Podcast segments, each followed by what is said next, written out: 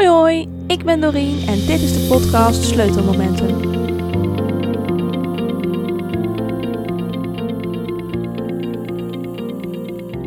Hey lieve luisteraar en welkom bij weer een nieuwe episode van Sleutelmomenten. Weer even een intro, want het leek me wel heel erg leuk om even te delen dat sleutelmomenten niet per se leuke momenten hoeven te zijn. Ik heb met een aantal mensen gesproken hierover en de meeste mensen denken meteen aan, aan iets positiefs. Terwijl ik dacht, ja, sleutelmomenten hoeven helemaal niet leuk te zijn. De uitkomst van sleutelmomenten, ja, die zijn leuk. Dan heb je echt een positieve verandering in je leven gemaakt. Maar het sleutelmoment kan ook echt een rotmoment zijn. De podcast van vandaag gaat dus ook over een rot sleutelmoment van mij. En het was er ook wel meteen eentje waarvan ik wist toen ik de podcast bedacht, toen ik dacht ik ga sleutelmomenten maken, ik ga verhalen vertellen over mezelf, over anderen. Toen wist ik al, dit verhaal gaat er sowieso in terugkomen. De uitkomst van dit sleutelmoment voel ik echt nog zo sterk elke dag. En ik zou echt wel zeggen dat op dit moment ik het meest dankbaar ben voor dit sleutelmoment wat ik jullie vandaag ga vertellen. Ja, dus uh, ik zou zeggen, let's get to it. Ik begin met het verhaal.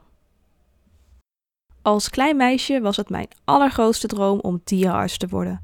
Ik was verzot op dieren. Ik vond het fantastisch. Ik zag het mezelf gewoon echt wel helemaal doen.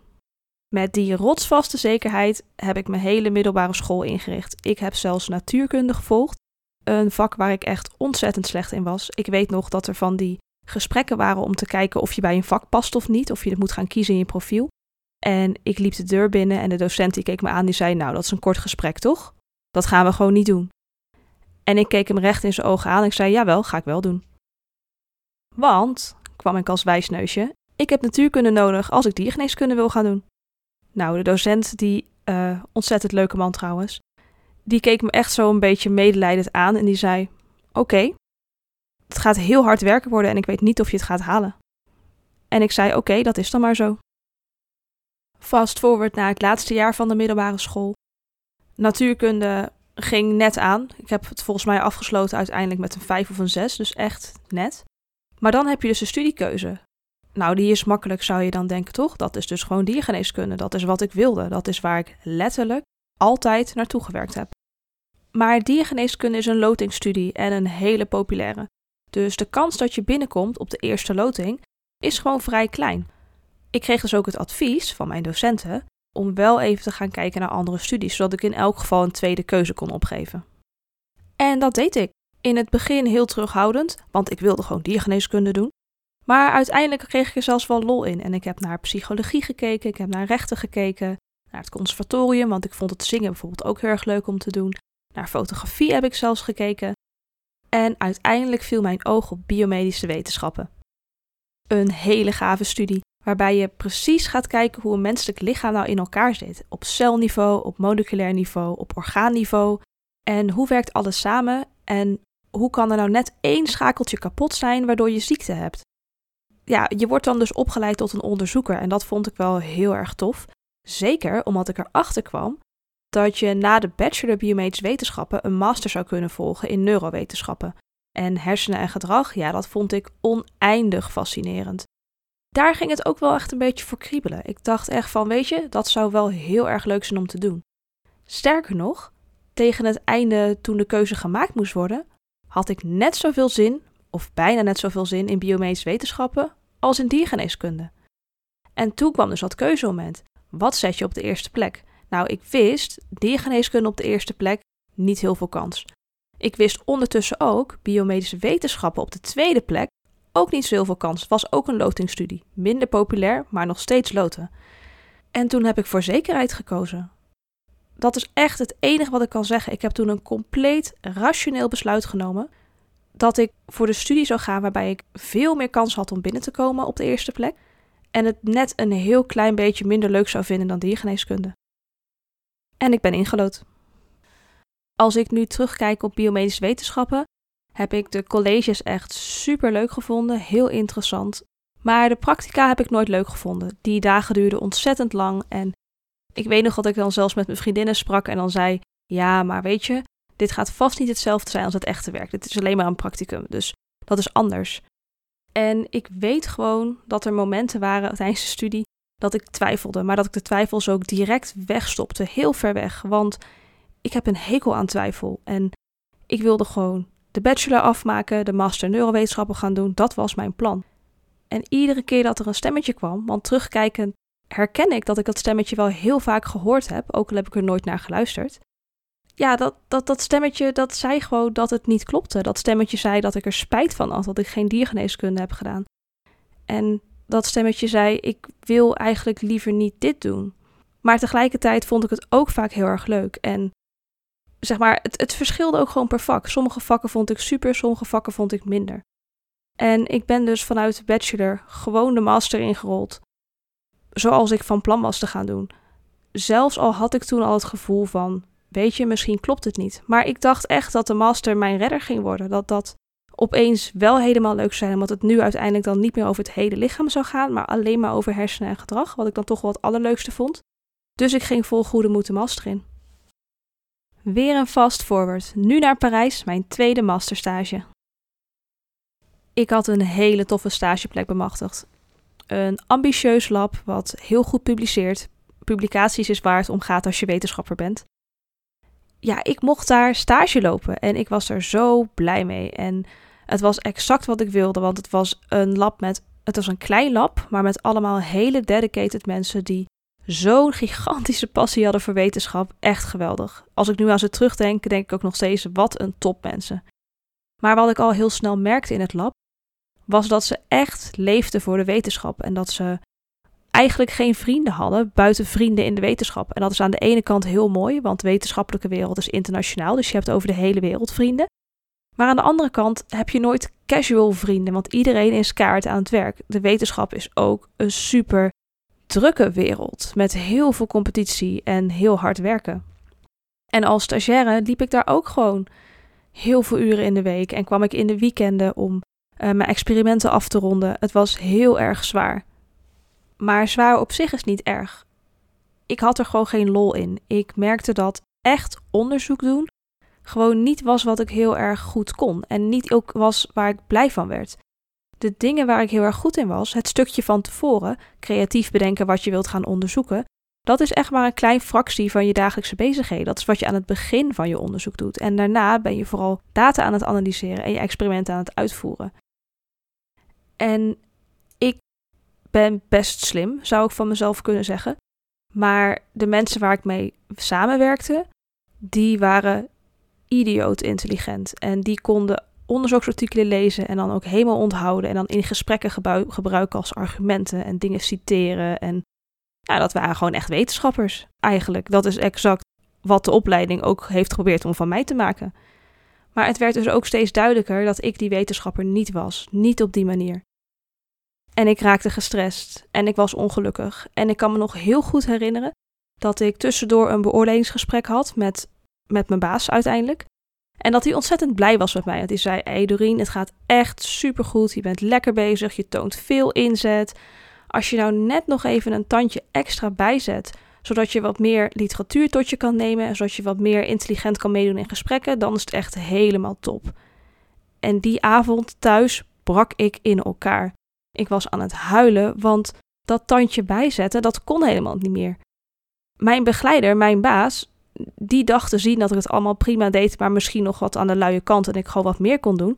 Wat die persoon niet zag, was dat ik thuis als een malloot alleen maar literatuur aan het lezen was, bezig was, nog even ging skypen met mijn vriend en dan gewoon uitgeput op bed neerplofte.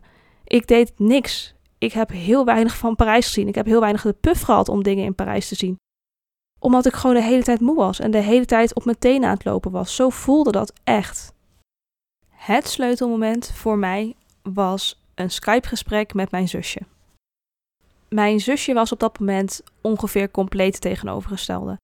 Waar ik me altijd vast aan mijn plan vasthield en super ambitieus naar een specifiek doel toeging, was mijn zusje meer een vrije geest, een vlierenfluiter in mijn ogen. Die van opleiding naar opleiding hopte, opeens random fulltime een bijbaantje ging doen, iemand die gewoon geen richting had in de leven.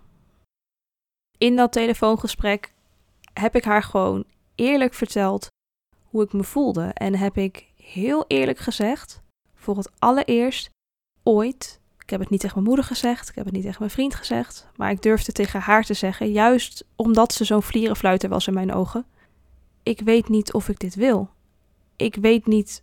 Ik weet het niet. Ik weet niks. Ik, ik ben in de war en ik voel me miserabel en voor het eerst in mijn leven, ik weet het niet. En als je nu als luisteraar denkt dat mijn zusje heel lief was en heel zorgzaam was en zei: Ah, arme Doreen, goh, huil maar uit bij me, komt wel goed. Het is niet 100% hoe het gegaan is. Ze was bot. Ze is gaan slaan op me, figuurlijk natuurlijk. Ze is gaan slaan op me met een botte hamer en ze bleef maar pushen. Waar ze op pushte was: Doreen, je weet wel wat je wilt. Je weet dat je dit niet wilt. En dat is genoeg om te willen. Je moet hier gewoon mee stoppen. Ik zie je al jaren ongelukkig zijn bij je studie. En ik heb het wel eerder met je over geprobeerd te hebben, maar je luistert toch nooit. Dus ik ben ermee gestopt. En nu zie ik dat je het eindelijk begint door te krijgen. En ik weet dat je nu zwak bent en ik weet dat je nu even best wel een beetje zielig bent. Maar nu ga ik niet loslaten. Nu ga ik blijven pushen. Nu ga ik vervelend zijn. Nu ga ik vervelend blijven. Net zolang tot je toegeeft aan jezelf dat dit niet bij jou past. Dat je wat anders moet gaan doen. Ik was boos. Ik heb gescholden op haar. Ik heb geroepen dat ze belachelijk was en dat ik toch echt niet haar leven als voorbeeld zou gaan nemen. Ik heb gezegd dat ze er sowieso helemaal niks van snapte en dat ze ook niks te zeggen had over mij. Ik was boos, maar ik was vooral ook bang. En dat zag mijn zusje. Ze zag dat ik doodsangsten uitstond. Want ik heb nooit zonder een doel geleefd. Ik heb nooit zonder ambitie geleefd. En ik wist echt oprecht niet wat ik met mezelf en met mijn leven aan zou moeten zonder mijn wetenschappelijke carrière. Wat zou ik dan gaan doen? Moest ik dan gewoon de rest van mijn leven achter de kassa gaan werken? Wat ik, ik kon het gewoon echt niet zien. En ze is er doorheen gebroken, want daarom was dit mijn sleutelmoment. Maar ze heeft me wel in een soort van leegte gelegd. Een soort van ruimte die er opeens was, die ik helemaal niet fijn vond, die ik echt ontzettend eng vond. En in die ruimte ben ik gaan brainstormen. Onder streng toezicht en verplichting van mijn zusje. Die zei: Ga maar eens nadenken naar alles wat je leuk vindt. Alles wat je eventueel zou willen doen. En ik was super sceptisch. Ik dacht echt: Ik weet al wat ik allemaal leuk vind om te doen. En daar kan ik ten eerste geen baan van maken. En ten tweede heb ik nergens anders diploma's voor dan exact wat ik nu doe. En dat vind ik niet meer leuk. Maar ik bleef het doen. En wat ik dan even tussendoor moet zeggen is: als ik terug zou komen uit Parijs, zouden wij onze eerste hond krijgen, mijn vriend en ik, een puppy. Ik wist niks van honden, dus ik ben in Parijs heel veel gaan onderzoeken hoe je zo'n hond nou eigenlijk opvoedt. En waar ik toen achter kwam, is dat ik dat eigenlijk heel erg goed snapte. Want het had te maken met conditioneren van gedrag. Nou, laat ik gedragswetenschapper zijn. Dus die, die was heel erg leuk. En mede ook omdat ik het niet leuk vond in Parijs, heb ik me daar best wel obsessief op gestort. En ben ik zelfs in Parijs random honden gaan trainen van uh, wetenschapsvriendinnetjes die ik daar had. En ja, langzaam ontstond er dus het idee van mij: oké, ik wil wat met dieren doen. Ik heb ooit diergeneeskunde willen doen, niet gedaan, maar ik vind het nog steeds leuk om met dieren te werken. Dus misschien kan ik iets met hondentraining gaan doen. En toen kwam ik uit bij het KGF. Dacht ik, het lijkt me wel heel erg gaaf als ik blinde geleidehonden zou kunnen trainen. Nou, de eisen om überhaupt te solliciteren waren vrij simpel. Je moet een opleiding tot kinologisch instructeur gevolgd hebben. Dus ik heb ook vanuit Parijs gezorgd dat het moment dat ik terug zou komen in Nederland, ik meteen die opleiding zou kunnen gaan doen. En ik kwam weer terug naar Nederland en ik, ik voelde rust en ruimte. En ik heb nog wel mijn master afgemaakt trouwens, want ik moest nog een scriptie schrijven. Dat was ook iets wat ik heel lastig vond om erin te komen, maar wat ik wel gedaan heb. Dus ik heb wel mijn master afgerond. Maar tegelijkertijd voelde ik voor het eerst dat ik voor mezelf had gekozen en dat ik heb gedurfd om van het pad dat ik gepland had af te wijken. En van daaruit ben ik uiteindelijk niet bij het KGF gaan werken, maar ben ik voor mezelf begonnen en heb ik nu uiteindelijk twee bedrijven. Maar dat is echt een verhaal voor een andere keer. Maar het is echt die keuze die ik daar in Parijs maakte, die ik pas kon maken op het moment dat ik helemaal kapot was. Want dat is wat ik nodig had. Ik was veel te koppig. Niks anders dan heel erg rot had mij zover kunnen krijgen. Was dus wel de eerste stap naar kijken naar wat ik eigenlijk leuk vind. En mogelijkheden zien. In plaats van alleen maar in gebaande paden denken en heel rigide zijn. En dat heeft me zoveel gebracht. En dat is een les die ik dus nog steeds nu zo erg met me meedraag. Dus ja, dit sleutelmoment. Kijk, ze zijn allemaal bijzonder. Maar dit pijnlijke sleutelmoment had ik gewoon echt ook niet zonder gekund. En even om de cirkel weer rond te maken. Ik ben heel blij nu dat ik niet voor diergeneeskunde heb gekozen. Want dat had ik waarschijnlijk ontzettend leuk gevonden. En dan was ik nooit gaan doen wat ik nu doe. En de baan of de twee banen eigenlijk die ik nu heb, kan ik alles in kwijt wat ik wilde gaan doen in diergeneeskunde en nog zoveel meer. En dat is het grappige van het leven. Soms moet je een heel raar pad bewandelen om exact te komen waar je wilt zijn. Nou, dit was mijn verhaal wel, om te vertellen in elk geval. Ik ben super benieuwd als je dit geluisterd hebt, wat je ervan vindt. Vooral ook, heeft het je geraakt en zo ja, waar? En haal je hier een inzicht uit? Ik zou het heel erg leuk vinden als je dat inzicht wilt delen met mij op Instagram. Weet je, dan kunnen we ook van elkaar leren. En deze verhalen zijn niet alleen maar ter entertainment, al zijn ze hopelijk ook gewoon leuk om naar te luisteren. Ik maak deze verhalen ook echt zodat jij je eigen sleutelmomenten kan vinden, zodat jij voller en vrijer in je eigen leven kan staan. Nou, in elk geval weer tot de volgende keer. Doei doei!